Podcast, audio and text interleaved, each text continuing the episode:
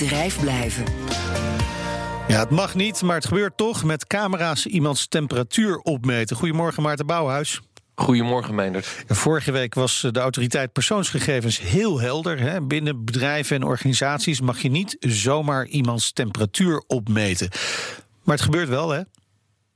Absoluut. Uh, en in het buitenland is eigenlijk heel normaal. Uh, landen als China en Rusland, ja, die hebben er ook geen wetgeving tegen. Dus uh, daar wordt massaal camera's ingezet die op afstand jouw temperatuur kunnen meten. Nederland hebben we die wetgeving natuurlijk wel. Het is een strijd met de AVG. Dat is natuurlijk een Europese richtlijn. ik heb contact gezocht met Testo. Dat is een Duitse multinational die meetapparatuur maakt. Overigens niet alleen dit soort camera's, maar heel veel soorten meetapparatuur. Ze zijn lekker in bedrijf overigens. Alles loopt goed door. En directeur Maarten van Dam, die geeft een aantal voorbeelden.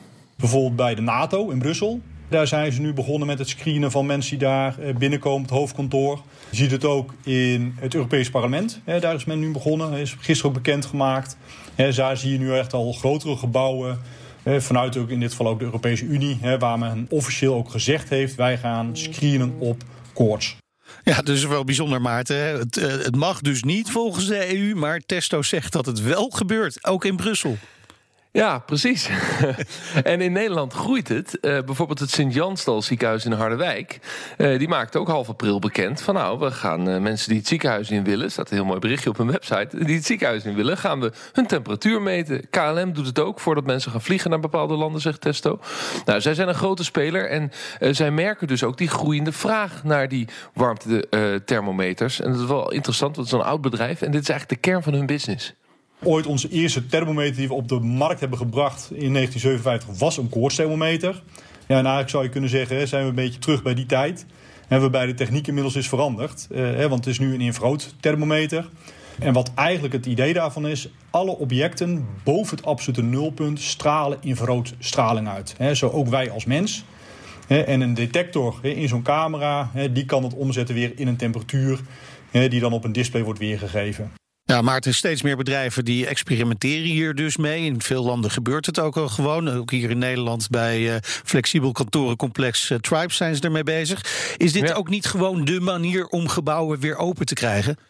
Ja, dat zou je dus zeggen. Uh, je moet wel rekening houden, zeg maar, van dan met meetfouten. Hè? Dus het geeft een goede indicatie. Uh, en het werkt inderdaad heel goed op die anderhalve meter, omdat je ja, op afstand uh, iemand toch kunt, kunt temperaturen. Um, dus ja, dat zou je zeggen. Wellicht kan zo de economie weer open. En de vraag neemt dus ook hard toe in Nederland, maar zeker ook in het buitenland.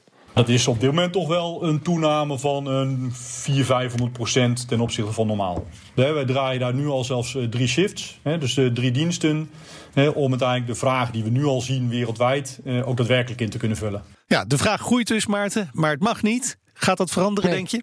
En Maarten van Dam van Testo denkt dat de discussie hierover uh, voortgaat. En dat het misschien ook wel gaat veranderen, juist omdat we mensen willen kunnen screenen. Ja, en, en, op die manier vrijheid willen geven met iets wat volgens de privacyregels dus niet mag. Dankjewel, Maarten.